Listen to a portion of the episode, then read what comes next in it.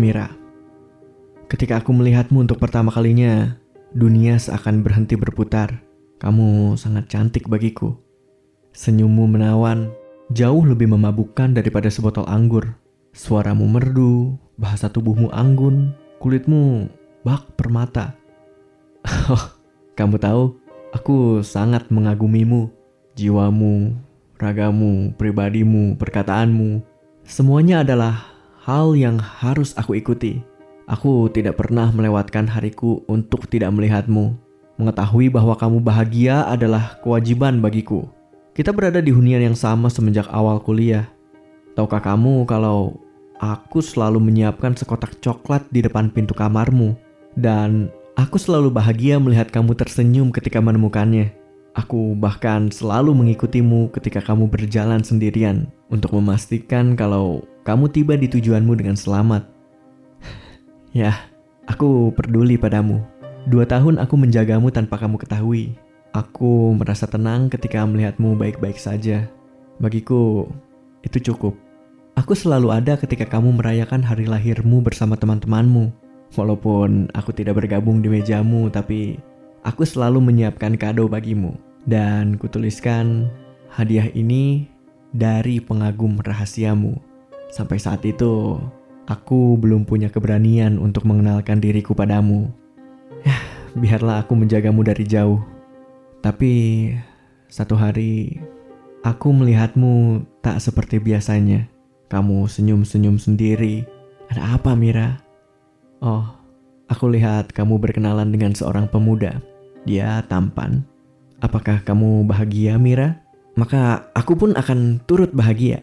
Tapi aku yakin Cintaku ini lebih tinggi dari cintanya padamu. Mulai saat itu kamu selalu bersamanya. Jalan berdua, nonton berdua, makan berdua. Sementara aku menikmati kebahagiaan kalian dari jauh. Kalian dimabuk asmara. Kamu tidak lagi tersenyum saat mendapati sekotak coklat di depan pintu kamarmu. Mungkin sudah saatnya aku melepasmu. Mira, aku tahu kamu tidak pernah menganggapku ada. Bagaimana tidak? Berkenalan denganmu saja, aku tak punya nyali. Ini murni kesalahanku. Namun Mira, tidak ada yang bisa menggantikan kamu di hatiku. Ku coba untuk menjauh darimu. Bahkan aku memutuskan untuk pindah hunian agar bisa terlepas dari bayangmu. Aku biarkan kamu bahagia bersama kekasihmu. Bukankah aku juga harus bahagia atas semua itu? Lalu, Hidup sendiri tanpa senyummu membuat duniaku hampa. Bahkan kehadiran sahabat-sahabatku tidak membuat aku lebih bahagia. Mengapa begini? Mira, aku bermimpi buruk. Setelah dua bulan berlalu, ternyata aku memimpikanmu lagi. Apakah aku merindukanmu, Mira? Ini menyiksa bagiku.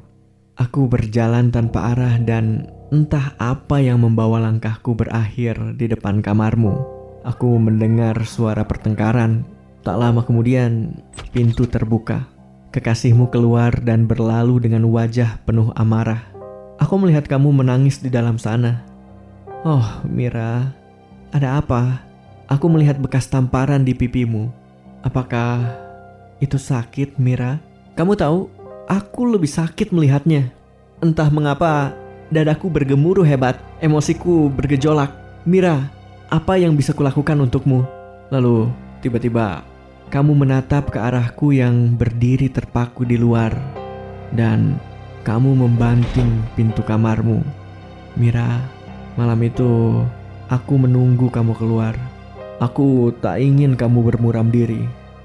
Bukankah aku selalu mengupayakan kebahagiaan untukmu? Mengapa dia yang kau sayangi memberikan sengsara untukmu? Aku ingin melihat kamu tersenyum lagi. Aku janji, aku ingin mengakhiri penderitaanmu. Aku, aku akan buat kamu bahagia, Mira. Mira, keluarlah. Kumohon. Lalu setelah pukul 12 malam, aku melihat Miraku keluar dengan mata sembab. Kamu memakai jaket dan berjalan ke arah minimarket 24 jam. Mira, Aku akan menjagamu.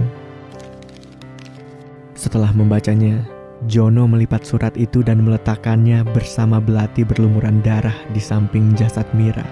Lalu perlahan, dia mulai menimbun lubang kuburan di semak belakang kos-kosan mahasiswa.